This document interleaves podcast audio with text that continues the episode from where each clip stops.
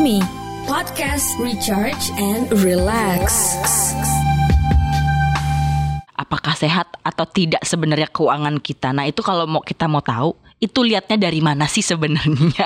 Taunya sehat atau enggak dengan cara yakin dulu nih. Yakin nggak penghasilannya nutup sama pengeluaran? Cara meyakinkannya adalah dengan dicatat nih. Dicatat apa aja pengeluaran kamu setiap bulannya. Pemasukannya jadi darurat. Salah satunya adalah dirumahkan. Lah, ini ada kiat-kiat lainnya juga nggak sih untuk nyiasatin agar lebih aman? Hasilnya hilang seluruhnya dan nggak ada dana darurat, itu sih nggak ada cara lain ya. Kamu harus cari apa pun caranya untuk bisa dapat penghasilan gitu. Kecuali masih ada dana darurat nih, masih agak aman tuh. Kamu masih bisa mikirin enaknya gimana ya, enaknya cari kerjaan baru atau mulai jualan gimana gitu supaya ketika dana daruratnya habis, kamu juga sudah punya uh, simpanan yang baru. Obrolan mantap. Selamat datang di obrolan mantap. Hai Potmi Friends dan Parent. Di mana pun kalian berada Kembali lagi sama aku Nina Sebagai host dari obrolan mantap Di mana podcast ini adalah podcast mingguannya di Asian Parent Indonesia Di mana kita juga akan membahas banyak sekali Hal-hal seputar dunia parenting Mulai dari seks, mental health, financial, dan lain-lain. Nah di episode kali ini kita akan ngobrol Sesuatu yang masih berkaitan juga dengan parenting Dan tidaklah kalah penting karena ini bagiku juga penting banget. Kita akan ngobrolin seputar financial. Dari kemarin-kemarin kita kan udah banyak nih yang komentar, banyak yang nanya juga, kapan sih yang financial financial? Nah, episode kali ini kita akan bahas soal financial. Tentunya dengan siapa? Tentunya dengan salah satu guest uh, speaker kita atau narasumber tamu. Beliau ini adalah certified financial planner, sering juga bikin konten di Instagram. Mungkin kalian ada yang pernah lihat atau pernah lihat juga di Instagram live-nya di Asian Parent pasti tahu siapa guest speaker hari ini. Nah, kita akan langsung ngobrol juga bareng narasumber pertama ini. Langsung aja kita panggil. Ini dia Mbak Nisa Steviani atau kita panggil namanya Kak Ica. Hai Kak Ica. Hai Nina. Hai hai hai nah ini akhirnya ya setelah uh, beberapa bulan purnama akhirnya kita bisa uh, berjodoh juga nih untuk ngobrol di podcast obrolan Agak repot schedule-nya ya. Banget ya Bun. Nah ini kita sebenarnya melanjutkan dari beberapa mungkin kalau parents atau puppy friends di mana kalian berada uh, sempat nontonin Instagram live-nya di Asian Parent Nah ini kan banyak banget pertanyaan ya kita ngomongin seputar uh, keuangan sehat, keuangan sehatnya para parents gitu. Nah kali ini kita mau digging deep down lagi, kita mau ngobrolin lebih dalam lagi seputar uh, dana darurat nih, seberapa darurat dan darurat tuh kayak gimana gitu sih Kak Ica. nah sebelumnya sebelum kita akan ngobrol lebih dalam, boleh kita sebagai perkenalan buat Potmi Friends juga yang mungkin ingin berkenalan, silakan lo Kak Ica. Halo semuanya, aku Anissa Steviani. Tadi udah disebut sama Nina ya, aku certified financial planner. Tapi sebenarnya nggak bikinin plan buat klien. Jadi fokusku adalah bikin kelas-kelas dan edukasi untuk ibu-ibu, terutama ibu-ibu di kelas menengah. Karena kita kira ini ya, yang utangnya sih nggak miliaran, tapi uangnya ada, belanja bisa kok nggak nyisa terus. Nah, jadi aku fokus sama ibu-ibu di kelas itu. So far alumni kelasnya udah sampai 5.000 orang, wow. dan juga jadi speaker webinar webinar, mm-hmm. speaker IG live, dan ya ngobrol-ngobrol di podcast kayak gini lah. Nah itu dia buat friends dan parents ya Ini emang penting banget Apalagi kita para ibu-ibu Yang terkenal dengan Sangatlah penting mengatur keuangan Tapi di satu sisi benar juga sih Kok nggak Kayaknya nggak ketabung-tabung ya Ada apa ini Kayaknya ada aja gitu ya Aduh ada tanggal tua lah Ikutan tanggal tua Baik yang kerja maupun yang tidak bekerja tuh kayak ada momen-momennya gitu ya. Nah, uh, kita berhubungan ini juga sebenarnya mayoritas juga uh, audiensnya di Asian Parent adalah bunda-bunda, ya kan? So, mari kita catat bersama walaupun di sini tetap akan ada ayah, para ayah. Silakan catat juga obrolan kita hari ini diputar diulang-ulang boleh banget. Nah, kita mulai dulu dengan yang tadi ya kita ngomongin soal keuangan. Membahas tadi yang kok nggak bersisa. Berarti kan berhubungan juga dengan apakah sehat atau tidak sebenarnya keuangan kita. Nah, itu kalau mau kita mau tahu, itu lihatnya dari mana sih sebenarnya?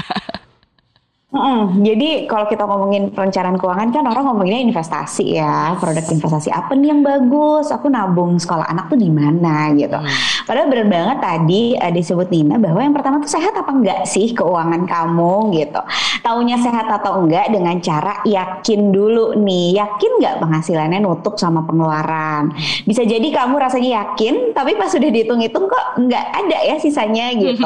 Makanya cara meyakinkannya adalah dengan dicatat nih, dicatat apa aja pengeluaran kamu setiap bulannya. Setelah ditulis nih, jangan-jangan pengeluaran kamu tuh sangat-sangat banyak hmm. sampai penghasilannya tuh nggak cukup. Jadi pengeluaran ini kan nggak berarti dalam artian boros ya. Kan bisa aja kalau kita ngomongin pengeluaran mikirnya oh jajannya nih kebanyakan, oh check out e-commerce-nya nih kebanyakan gitu.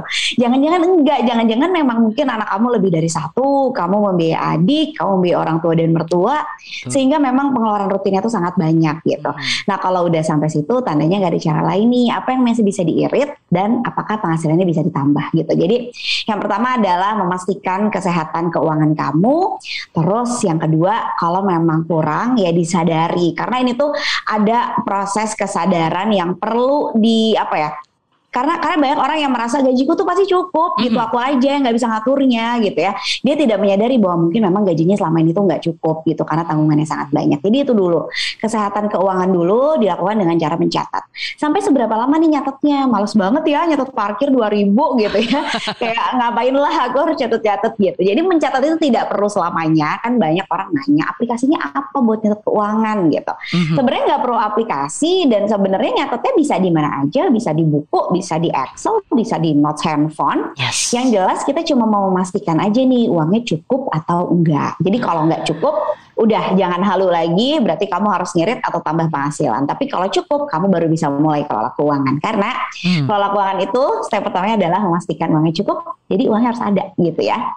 Tuh kan benar memastikan bahwa ini cukup. Tapi emang iya sih dari dari bertahun-tahun ya mungkin di, di di sekarang aku akhirnya mau nih mencatat gitu. Even sekedar uh, uh, mencatat yang berapa puluh ribu karena belanja di minimarket segala macam. Tapi it helps a lot sih gitu karena sebelumnya mungkin juga oke okay, benar juga mungkin memang penghasilannya bisa jadi tidak cukup tapi bisa jadi juga selama ini kita benar-benar lost track. Jadi akhirnya nggak benar-benar nggak tahu nih karena ini cukup apa enggak jadi rasanya ah udahlah karena mungkin udah stres duluan kali ya mikir angka-angka disusun-susun gitu kan. Oh disusun-susun pas ngecek banyak juga ya. Mungkin karena ada fear itu ya ada rasa takut itu sehingga kita akhirnya punya punya ketakutan untuk cari tahu. Padahal sebenarnya itu itu justru membantu banget ya ternyata mencatat itu Iya justru jadi takut ketahuan belanjanya berapa banyak dan nggak bisa belanja lagi. Tapi itu beneran kejadian kan. Jadi kayak mendingan nggak tahu aja deh daripada ketahuan gitu. Betul. Karena tidak ngeta akhirnya lost track dengan ketakutan-ketakutan. Wah kita kebanyakan jajan. Malah akhirnya juga berefek uh, lost tracking buat saving dan lain-lain ya. Termasuk emergency fund gitu kan. Nah ini ini berkaitan juga dengan catat. Uh, berarti ada kesadaran akan hal itu yang tentunya perlu dimiliki sama kita kita parents parents gitu ya. Nah, uh, kalau ditanya terus gimana ya buat aku yang quote unquote malas, mungkin ada satu words yang bisa cukup ampuh buat kita kita yang malas mencatat agar bisa mulai mencatat gitu. Sebenarnya aku termasuk yang malas. Jadi 2013 hmm. aku uh, mulai kelola keuangan, financial planner tuh bilang dicatat gitu keuangannya. Hmm. Terus aku kayak nggak ya kayaknya malas sih aku tidak ada aku ti, bukan tidak ada waktu, aku tidak mau meluangkan waktu untuk hmm. mencatat gitu. Terus pada akhirnya aku mendisiplinkan diri aja. Jadi kalau aku memang di titik yakin sih gajinya pasti cukup gitu ya karena hmm. kebetulan aku kerja, suami kerja, jadi uh, penghasilannya dua gitu. Yes. Jadi sebenarnya kami kami berdua yakin gajinya cukup dari keyakinan dulu aja karena nggak menghidupi orang tua mertua dan anak juga cuma satu gitu. Uh -huh. Nah uh, jadi yang aku lakukan pada saat itu adalah aku langsung bikin budget. Jadi tiap bulan uh, penghasilan aku berapa, pengeluaran kamu, pengeluaran aku dan kamu kira-kira berapa sih? Karena banyak banget nih uh, ibu-ibu yang mau berusaha kelola keuangan tapi tidak melibatkan suami. Mm-hmm. Terus jadinya suaminya yang lost track gitu ya. Kalau aku langsung berdua nih. Jadi uh, yang pertama kamu kalau dulu kan nggak pandemi ya, makan siang kamu berapa tiap bulan, terus bensin segala macam tuh kita uh, bikin berdua. Kira-kira kita budgetnya berapa nih sebulan? Bulan depannya langsung ikut budget itu aja. Jadi nggak bikin lagi, nggak nyatet lagi, nggak memperkirakan lagi lagi, mm-hmm. tapi langsung aja bulan depan kita cuma bisa hidup sesuai budget ini gitu. Budget makan siang kita sehari cuma segini nggak bisa lebih. Kalau lebih tandanya kita nggak tahu nih harus ambil dari uang apa gitu. Mm-hmm. Jadi uh, step berikutnya kalau memang malas nyatet kayak aku adalah yakin dulu nih penghasilannya cukup, tapi Hmm. berikutnya uh, bulan depannya harus disiplin sama budget. Kalau bulan depannya ternyata nggak cukup budgetnya kan suka ada ya, ibu-ibu suka sok irit nih. Ke tukang sayur terus kayak oh bisa lah, biasanya misalnya sehari berapa gitu, bisa lah dikurangi sepuluh ribu, dua ribu gitu ya, lumayan nih kalau dikumpulin tiap minggu gitu kan. Betul. Tapi ternyata di akhir minggu enggak cukup uangnya gitu. Tandanya kamu bikin budgetnya kurang realistis. Tandanya kamu mau ngirit hal-hal yang udah udah nggak bisa lagi diirit. Jadi Betul. itulah bikin budget harus realistis. Selalu hiduplah sesuai budget. Nah, realistis itu quote yang emang benar-benar ngena karena bukannya apa ya? Iya betul, karena kita terbiasa dengan kata-kata irit sehingga akhirnya juga jadi tidak realistis gitu. Bisa bisa bisa. Emang bener sih, apalagi urusan sayuran ya. Mungkin kita ngerasa bahwa oh oke kita belanja sekarang bisa lima ribu untuk berapa hari gitu. Padahal kalau kita ngomongin soal ilmu di food gitu kan, makanan punya batas kadaluarsa dan lain-lain, itu sering kali di pengalamanku ya apa ya kalau orang Jawa ngomong kecele gitu ya. Ternyata aduh udah keburu kadaluarsa akhirnya beli lagi bukan yang ngirit malah jadi makin boros. Sering terjadi ya, hilang dari kulkas ya karena dibuang bukan dimakan. betul. Nah itu dia. Jadi kita pahami juga soal budget tapi juga realistis kalau kita pun mau mau ngirit ya. Berarti kalau misalnya seandainya nih kita ngerasa bahwa oh pos-pos keuangannya udah udah amat-amat realistis gitu ya. Tapi kok jadinya akhirnya dirasa tidak cukup? Apa yang perlu dilakukan kalau gitu? Nah itu dia. Titik itulah titik dirasa tidak cukup ini nih yang uh, yang bikin kita akan lihat lagi nih sebenarnya yang mana ya yang bisa dikurangin gitu. Oh jajan nih kebanyakan Hmm. misalnya. Atau enggak oh ternyata jajan anak. Karena kita uh, malas denger, denger anak ngerengek apa segala macam nih jadi masuk ke parenting ya. Yes. Terus terus jadinya jajan anak diiyain terus gitu kan itu kan ada dua masalah masalah keuangan dan masalah parenting kamu gitu Mhm. apalagi nih atau jangan-jangan ngasih ke keluarga dan orang tua ini masalah yang Ah. cukup besar karena biasanya nih kalau orang tua yang minta kita nggak berani nolak kita kayak kalau orang tua mah pasti Mhm. kita ada-adain lah gitu Bener. tapi sebenarnya kalau kita hitung-hitung lagi jadinya minus karena kitanya sendiri juga belum cukup gitu untuk berbagi ngasih aja bisa mungkin tapi kalau ngasih yang besar apalagi berulang-ulang gitu ya Mhm. setiap bulan mintanya banyak ya mungkin jadinya uang kamu habisnya ke sana jadi di kesadaran itu ya ke mana uang kamu pergi kalau memang udah banget bisa-bisa dikurangin semuanya diirit semuanya masih tetap kurang ya udah mungkin harus tambah penghasilan tambah penghasilan itu caranya banyak ya Mhm. Uh, mungkin bisa pindah kerja aja deh gitu ya biar gajinya Yes. naik kan bisa Betul. atau mau misalnya mau tambah penghasilan nanti pulang kerja aku mau jualan gitu jadi Mhm. seharian uh, bah, naikin produk-produk jualan di e-commerce malam-malam diurusin ya kan Yes. itu bisa atau misalnya mau jadi reseller jadi biar nggak perlu modal dan nggak perlu packing gitu kan Betul. simple ya Mhm. Nah, terus uh, atau justru nih buat suami-suami mungkin ada yang dengar, mungkin istrinya udah perlu kerja. Jadi banyak aku melihat keluarga-keluarga yang memang penghasilan keluarganya itu tidak cukup hanya dari suami, Mhm. tapi istrinya juga nggak diizinin kerja gitu karena ada ego suami yang udah biar aja aku yang kerja, kamu di Mhm. rumah aja gitu kan. Sebenarnya kan akan lebih indah kalau bisa nggak kita kerja berdua sama-sama, kita urus rumah berdua sama-sama, kita urus anak berdua sama-sama gitu ya. Iya. Jadi jadi penghasilannya akan lebih besar, beban rumah tangga juga dibagi berdua, mungkin itu lebih lebih apa ya? Lebih bisa masuk gitu karena penghasilan dari dua tentu akan lebih banyak dibandingkan Yes. penghasilan dari satu gitu.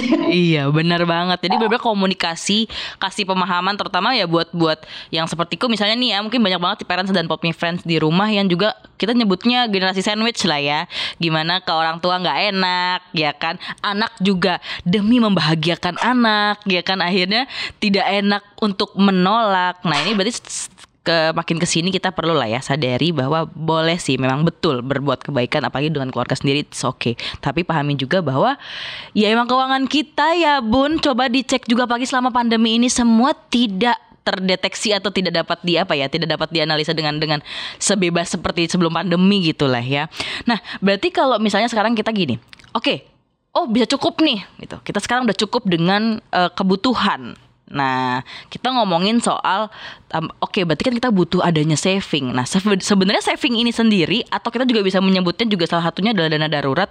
Ini tuh sebenarnya sudah sudah masuk di dalam ranah kebutuhan ini atau sesuatu yang ekstra yang perlu kita kita tambahin gitu sebenarnya. Hmm.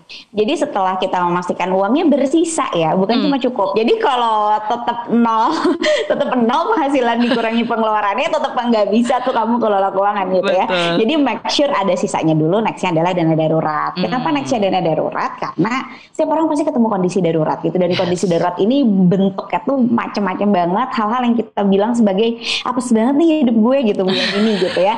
Nah itulah fungsinya dana darurat. Kok ya bisa-bisanya gitu tiba-tiba pipa air meledak, rumahnya bocor, terus ban mobil kempes gitu dalam satu waktu gitu. Kalau nggak punya dana darurat, kamu mau pakai uang apa gitu kan? Ujung-ujungnya ngutang. Jadi nextnya adalah si eh, dana darurat ini kita kumpulin nih pelan-pelan. Kenapa aku bilang pelan-pelan? Karena kalau mau ideal langsung tuh rasanya berat banget. Apalagi kalau udah follow akun-akun financial planning gitu ya. Mhm. Biasa tuh udah langsung kasih target tuh. Dana darurat kalau single tiga kali ya pengeluaran bulanan. Kalau menikah enam kali ya gitu kan. Dua anak 12 kali gitu. Gila ya 12 kali dapat dari mana duit gitu kan. Anaknya dua gitu. Nah jadinya aku bilang pelan-pelan aja. At least kamu kasih target satu kali dulu nih pengeluaran bulanan. Terpenuhi. Abis itu baru deh pelan-pelan uh, ketiga kali gitu. Baru pelan-pelan menuju ke ideal. Jadi jangan sampai uh, kita melewati proses dana darurat ini. Jadi ada orang-orang yang ketika uangnya bersisa, yang dilakukan pertama kali adalah nabung, ya kan? Mm-mm. Nabung buat uang sekolah anak, Betul. nabung buat beli rumah, gitu ya. Nah ini akan kacau banget prioritasnya karena uh, ketika kita menabung tanpa punya dana darurat dan kita ketemu kondisi darurat, tabungannya kepake, gitu. Betul. Semen- eh, sementara banyak banget hal-hal yang nggak bisa tuh kondisinya tabungan kepake seperti sekolah anak. Suka nggak suka ya ketika kita hamil 6 tahun lagi 7 tahun lagi dia akan masuk SD kamu punya 6 tahun atau 7 tahun untuk nabung masuk SD gitu. Mhm. di tengah perjalanan kamu ada kondisi darurat yang mengharuskan kamu mengeluarkan uang sangat banyak gitu ya dibandingkan gaji bulanan kamu dan kamu pakai tuh uang buat masuk SD-nya pas anaknya mau sekolah kepake uangnya gitu ya. Itu karena prioritasnya kebolak-balik. Karena kamu nggak ngumpulin dana darurat dulu langsung nabung dana pendidikan dulu. Otomatis sih dana pendidikannya kepake gitu. Makanya dana darurat tuh yang pertama banget harus kamu kumpulin ketika kamu mau mulai kelola keuangan dan uh, sudah yakin penghasilan kamu bersisa gitu. Ini juga nyambung sama orang-orang yang sering bilang kayak gini "Ah, aku tuh nabung kak tiap bulan gitu ya. Aku nabung di awal tapi di akhir bulan kepake lagi. Itu sering banget ya orang kayak gitu ya. Aku pun sering juga Nah, begitu. Nah itu pasti pertama kamu salah budgeting seperti yang aku mention tadi kamu budgeting gak realistis bisa lah ngirit bisa lah ngopinya seminggu sekali padahal biasanya setiap hari gitu ya. Itu kamu nggak realistis Tidak atau yang mungkin. kedua kamu nggak punya dana darurat jadi ketika mendadak harus antigen sekeluarga gitu Yes. kamu ambillah tuh si tabungan kamu gitu jadinya ya nggak bisa kalau dibolak balik ada urutannya. Nah, nah pertanyaan berikutnya berarti, lalu bagaimana dan berapa banyak sebenarnya sih kita mesti nge-save si dana daruratnya dulu deh gitu? Karena tidak ter nggak tahu kan kita justru karena kita nggak tahu sedarurat apa dan apa saja yang bakal jadi darurat banyak banget. Lalu berapa banyak nih mesti kita save? Jadi kan at least satu kali dulu ya. Yang Aha. penting satu kali dulu deh punya Aha. dana darurat dari penghasil pengeluaran bukan dari penghasilan. Jadi misalnya Oh. penghasilan kamunya 5 juta, pengeluarannya 4 juta, 4 Hmm. jutanya aja yang diambil gitu. Maksudnya nggak perlu dari keseluruhan gaji. Kenapa? Asumsi kamu kehilangan pekerjaan bulan depan ya kamu berhenti dulu aja nabungnya. Yang penting uh, masih bisa beli makan, masih bisa bayar listrik, masih bisa bayar sekolah anak gitu. Hmm, hmm. Jadi ngitungnya satu kali pengeluaran bulanan dulu. Dan ini sebenarnya nggak susah kalau satu kali aku yakin banget ya. Karena kita dapat THR ya kalau yang dapat THR Iya. atau enggak yang misalnya eh, yang pengusaha yang bisnis tuh kadang-kadang tuh ada bulan-bulan di mana dapetnya gede banget gitu ya. Terus kita bisa save dulu buat satu kali uh, pengeluaran bulanan. Mhm. Nah, setelah satu kali baru deh kita naik sedikit-sedikit. Eh, naikin deh jadi tiga kali, naikin deh jadi jadi enam kali, naikin deh jadi sembilan kali gitu ya sampai Mhm. ideal.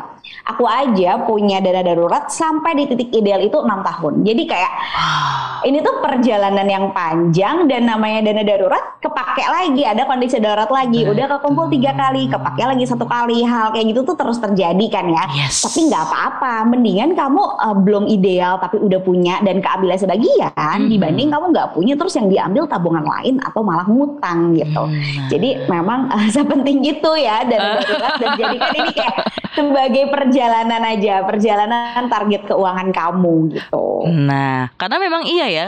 Karena kita ingin berpikir apalagi udah dengar cerita teman-teman nih wah gue udah punya tabungan sekian juta. Akhirnya kita berusaha jadi reaktif pengennya nabung juga lupa sama dana darurat. Dana darurat jadi nggak tahu kepake lagi tabungan begitu aja terus ya. Nah bedanya adalah akhirnya kalau kita memang spare buat dana darurat walaupun mungkin idealnya bisa bertahun-tahun untuk seperti case Kak Ica tadi ya, setidaknya kita pakai adalah dana darurat di Pot Me Friends dan Parents. Tidak akhirnya pakai ke tabungan. Itu sih yang aku sadarin Kak Ica beberapa tahun ngerasain banget bahwa perasaan gue nabung deh. Perasaan gaji dengan sekian tahun karir gitu naik kok nggak kesimpen simpen ternyata adalah keywordnya kita tidak punya dana darurat sehingga ketika dana darurat itu eh, nggak masuk ke pos kita ada sesuatu yang emergensi dan blar hilang semua tabungan. Nah itu terus juga kita harus bisa ngebagi mana yang darurat mana yang bukan gitu kan. itu dia, nah itu dia tuh darurat itu ketika tidak direncanakan tapi penting. Udah itu Hmm. doang. Tidak direncanakan tapi penting. Contohnya ban mobilku nggak eh, karena pandemi Hmm. empat empatnya kempes gitu ya jarang dipakai gitu kan. Yang dua harus diganti. Ini tidak direncanakan tapi penting karena tuh mobil nggak bisa jalan kalau nggak diganti ya kan. Benar. Maka pakai dana darurat. Tapi kan ada hal-hal yang kita rasa ini penting banget nih gitu ya. Tapi kayak sebenarnya nggak sepenting itu gitu. Jadi kadar kepentingannya tuh diukur dulu ya. Contohnya nih eh, perlu laptop baru gitu. Buat kerja bener karena ini penting banget buat aku kerja. Kamu kerjanya apa gitu. Kalau kamu Yes. kerjanya ngetik doang, emang perlu laptopnya 25 juta misalnya gitu ya. Mungkin Bener. cukup dengan laptop yang 10 jutaan aja. Nah hal-hal kayak gitu loh kadar kepentingannya diukur dulu karena kalau kita terjebak sama semua penting ya habis uangnya. Bener kan Semuanya akan penting akhirnya Iya. gitu kan Yes bener ya eh, Parents dan Pot Me Friends di mana eh, kita mengukur skala prioritas, skala kepentingan untuk tahu seberapa darurat sih gitu ya. Bukan berarti tiba-tiba yang tidak direncanakan atau tanpa perencanaan dibeli. Contohnya ngelihat e-commerce gitu, kayaknya ini penting. Aku tidak merencanakannya tapi tampaknya ini penting nggak gitu juga ya pot me dan parents. Itu kayak Iya. Belum lagi kan diskon-diskon ya. Ini ini enggak ini enggak terlalu penting sih. Pasti nanti butuh lumayan nih diskon 50%. No ya, No. tidak perlu. Ya, Kalau memang tidak perlu tidak perlu beli meskipun diskonnya gede. Benar, yang nanti katanya penting, kayaknya ini akan bakal kepake ya, akhirnya tidak terpakai juga. Keseringan sih case-nya adalah gitu ya. Nah, sekarang kalau kita ngomongin soal di, sekarang kan di masa pandemi ya, banyak juga yang akhirnya kehilangan pekerjaan segala macam ya, bahkan ter- terlanjur tidak punya dana darurat dan saving gitu ya. Lalu bagaimana sih mungkin ada tips-tipsnya selain ya, oke tadi bener ya itu kita cari cari penghasilan tambahan, lakukan whatever it is supaya kita punya simpenan ya. Ada lagi nggak sih yang bisa bisa mungkin sebutannya para ibu-ibu bisa kita akalin agar bisa punya dana darurat atau bahkan sekedar hidup dengan baik bertahan gitu. Tiap eh, keluarga pasti beda-beda ya caranya. Cuman kalau aku dengar dari cerita ibu-ibu tuh ada ibu-ibu yang cocoknya belanja bulanan, ada yang enggak misalnya. Jadi ya kan, ada yang tipenya adalah kalau belanja bulanan ya beli seperlunya aja. Tapi ada tipenya kayak merasa ini buat satu bulan, jadi belinya tuh banyak, jadinya boros banget gitu. Nah ibu-ibu kayak gini mungkin cocoknya adalah belanja saat perlu aja. Jadi misalnya oh sabun cuci piring habis, maka belilah sabun cuci piring aja berjalan ke minimarket beli sabun cuci piring aja. Tapi ada juga nggak masuk nih sama konsep ini gitu ya. Ketika beli saat eh, butuh aja, begitu butuhnya sabun cuci piring keluar-keluar bawanya sekresek banyak banget ya. Mana jajan, mana ini, mana itu segala pengen gitu kan ada juga. Jadi memang di- dicari tahu dulu sih pola belanja diri sendiri kayak gimana, pola belanja anak kayak gimana. Banyak nih yang abisnya karena anak. Jadi kayak karena anaknya merasa di rumah aja, terus wah kasihan nih aku beliin mainan lagi, beliin buku lagi. Padahal anaknya juga nggak minta dan misalnya anaknya happy happy aja tuh mainan remote gitu ya. Kecil Iya. kan mainan remote digigit-gigit gitu. Cuman ibunya nih yang merasa kasihan anakku gitu. Anaknya biasa aja juga gitu kan. Nah hal-hal kayak gitu yang harus eh, dilihat dulu deh ke diri sendiri. Ada nggak sih yang bisa diirit lagi atau mungkin apa ya pembantu rumah tangga Hmm. lagi pandemi gini gitu ya. Masih perlu nggak gitu dia nginep di rumah atau kita mau ganti aja sama yang datang misalnya seminggu dua kali. Ya. Uh, selalu ada sih hal-hal harusnya ya yang yang bisa dikurangin lagi kalau misalnya kamu ngerasa kayaknya boros deh hidupnya gitu. Mhm. Terus omongin juga nih sama suami, sebenarnya ada nggak sih dari kamu yang bisa dikurangin gitu. Jangan sampai kamu ngirit banget ya istrinya, terus tiba-tiba suaminya "Cak, santai aja bolak-balik belanja online, belanja hobi. Kan agak sia-sia ya ibu-ibu. Jadi tolong dibicarakan juga sama suami. Kalau udah mentok banget, udah deh nggak ada cara lain. Udahlah coba aja. Jangan sampai gini, banyak orang-orang yang ragu menanggap, menambah penghasilan karena tidak percaya diri. Jadi aku kayaknya nggak bisa deh jualan gitu. Aku kayaknya nggak bakat deh dagang. Udah coba berapa lama? Udah coba enam bulan, udah coba setahun.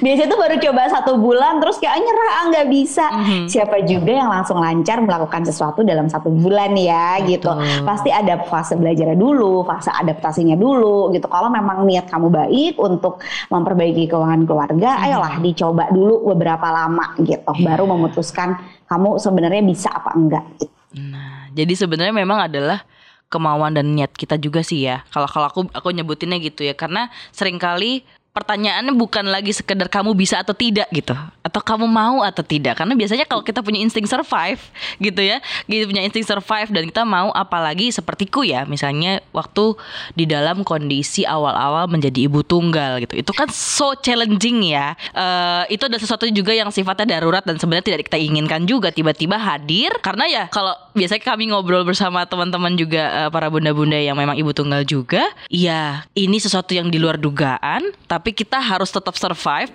Apalagi dengan kondisiku saat itu sudah lama tidak bekerja gitu kan, tidak punya dana darurat, boro-boro tabungan gitu, tapi anak usianya bertambah tidak berkurang bun gitu kan, dia butuh sekolah juga. Itu adalah sesuatu yang yang yang yang challenging. Kalau kita ngomongin bisa oh aku nggak nggak bisa dagang gitu oh aku tidak bisa ini dan itu gitu. Tapi karena kita mau akhirnya ya mau tidak mau kita kita berusaha survive dengan melakukan apa pun yang kita lakukan dan kita bisa gitu. Kita nyebutinnya mungkin palu gada saat itulah ya. Apa lo mau gue ada gitu ya? Apa aja kita lakukan dan itu itu jadi sebuah kesadaran yang penting nih parents dan pot me friends. Selama kita mau selama kita niat dan kita tahu bensinnya apa itu kayaknya cara paling paling mungkin di pengalamanku yang ngetok gitu ya. Selama ini tidak pernah nyatet selama ini tidak pernah mau tahu sama pengeluaran.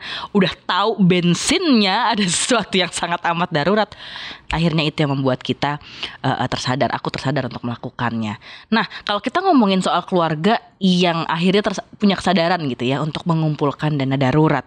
Lagi di tahap eh, mengumpulkan dana sudah punya plan gitu ya. Apalagi sudah sama suami sudah sudah ngobrol ya kan? Oh kita perlu siapin gini gini gini gini. Tiba-tiba di masa pandemi nih kena nih kondisi darurat yang tidak hanya kondisinya darurat tapi pemasukannya jadi darurat. Salah satunya adalah dirumahkan. Lah ini ada kiat-kiat lainnya juga nggak sih untuk nyiasatin agar lebih aman? Selain tadi ya kita lebih irit atau mungkin istri juga bisa terlibat juga. Ada lagi nggak sih kira-kira kalau dari plannya yang tiba-tiba blar berubah semua. Mm. Jadi eh, ada beberapa kasus ya, maksudnya Hmm. ada orang-orang yang kehilangan hanya sebagian penghasilan. ya Nah, kalau sebagian penghasilan ini kita bisa cek nih, penghasilan apa yang bisa ditunda dulu. ya Ya, misalnya nabungnya yang berhenti dulu aja nggak apa-apa Mhm. gitu ya. Mhm. Terus eh, ngasih orang tuanya berhenti dulu aja nggak apa-apa. Atau memang kamu juga hanya eh, di fase surviving gitu ya sehari-hari. Terus juga kalau ada utang sama bank, jangan kabur. Kamu datengin banknya, bilang bahwa penghasilan saya hilang setengah gitu. Atau mungkin yang penghasilannya seluruhnya hilang juga bisa datengin ke bank. Penghasilan saya hilang, terus bank punya solusi apa gitu. Jadi jangan kabur karena biasanya orang tuh panik. Aduh, aku ada utang ke bank nih, tapi penghasilannya berkurang gitu. Nah, bank itu sebetulnya sangat pengertian. Bank itu nggak akan uh, memberatkan kamu kalau kamunya ngaku. Jadi mereka pun biasanya ngejar-ngejar karena mereka nggak tahu kondisi kamu seperti apa gitu. Kalau kamu datang ke bank, minta untuk uh, dibantu nih, bank bisa bantu apa ya? Karena kondisi saya berubah nggak sama seperti waktu saya minjem dulu. Itu bank bisa uh, bikin uh, restrukturisasi utangnya. Jadi antara bunganya dihilangin atau mungkin tenornya diperpanjang gitu. Ya. Ada solusinya ke situ gitu ya. Nah tapi kalau udah nggak bisa banget nih, maksudnya penghasilannya hilang seluruhnya dan nggak ada dana darurat, itu sih nggak ada cara lain ya. Kamu harus cari apa pun caranya untuk bisa dapat penghasilan gitu. Kecuali kalau masih ada dana darurat nih, oh punya mm -hmm. dana darurat tiga kali gitu ya. Jadi tiga bulan ke depan masih bisa survive. Nah kalau kayak gitu masih agak aman tuh. Kamu masih bisa mikirin enaknya gimana ya? Enaknya cari mm -hmm. kerjaan baru atau mulai jualan gimana gitu supaya ketika dana daruratnya habis kamu juga sudah punya uh, simpanan yang baru gitu. Mm. Jadi yang harus diingat karena tadi uh, Nina juga mention soal jadi ibu tunggal gitu ya. Mm -hmm. Ada perubahan-perubahan besar dalam hidup yang membuat kita seharusnya mengatur uang, mengatur ulang cara kita kelola keuangan. Ah. Contohnya satu, menikah ya kan? Menikah yes. tuh biasanya simpel banget tuh karena eh gajiku sebelumnya cuma segini, lumayan nih jadi ada suami gitu ya. Mm. Jadi double gitu kan. Nah, terus punya anak hamil itu beda lagi tuh. Kita akan atur ulang lagi pengelolaan keuangannya akan ah berubah lagi kemarin bisa nabung banyak sekarang kok jadi nggak bisa gitu ya wajar yeah. kan ada satu orang lagi gitu nih ada satu anak yang baru lahir anak baru mulai sekolah atau mungkin bercerai atau mungkin uh, apa ya suaminya meninggal dunia mm -hmm. gitu ya tanpa plan apa pun Nah hal-hal kayak gitu tuh perubahan besar dalam hidup yang juga berpengaruh dalam kondisi keuangan. Dan jangan jadi merasa itu beban bahwa kok aku jadi nggak bisa kayak dulu ya, ya nggak bisa karena hidupmu sudah berubah gitu. Dan kamu juga harus atur ulang semua rencana hidup kamu termasuk keuangan. Hmm, jadi memang salah satunya berikutnya adalah di momen-momen tertentu ya kita juga nggak masalah juga untuk akhirnya uh, membuat ulang rencananya. Karena ya itu ya tidak hanya sekedar darurat tapi akhirnya big plannya pun jadi di di fase darurat ya kita perlu mengconsider ulang nih ya, consider ulang uh, uh, plan apa sih yang perlu kita lakukan ya buat menyimpan itu.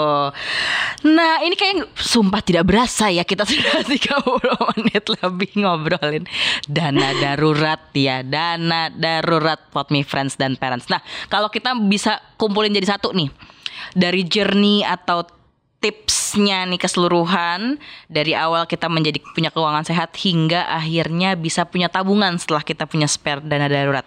Apa sih yang mau Kaica sampai ini kepada Potmi Friends dan parents untuk mengatur ini semua? Hmm, jadi uh, jangan berhenti sampai tahu aja. Jadi banyak orang-orang yang oh udah tahu nih harus begini tapi nggak mengubah apa-apa juga gitu ya, lewat aja gitu ya.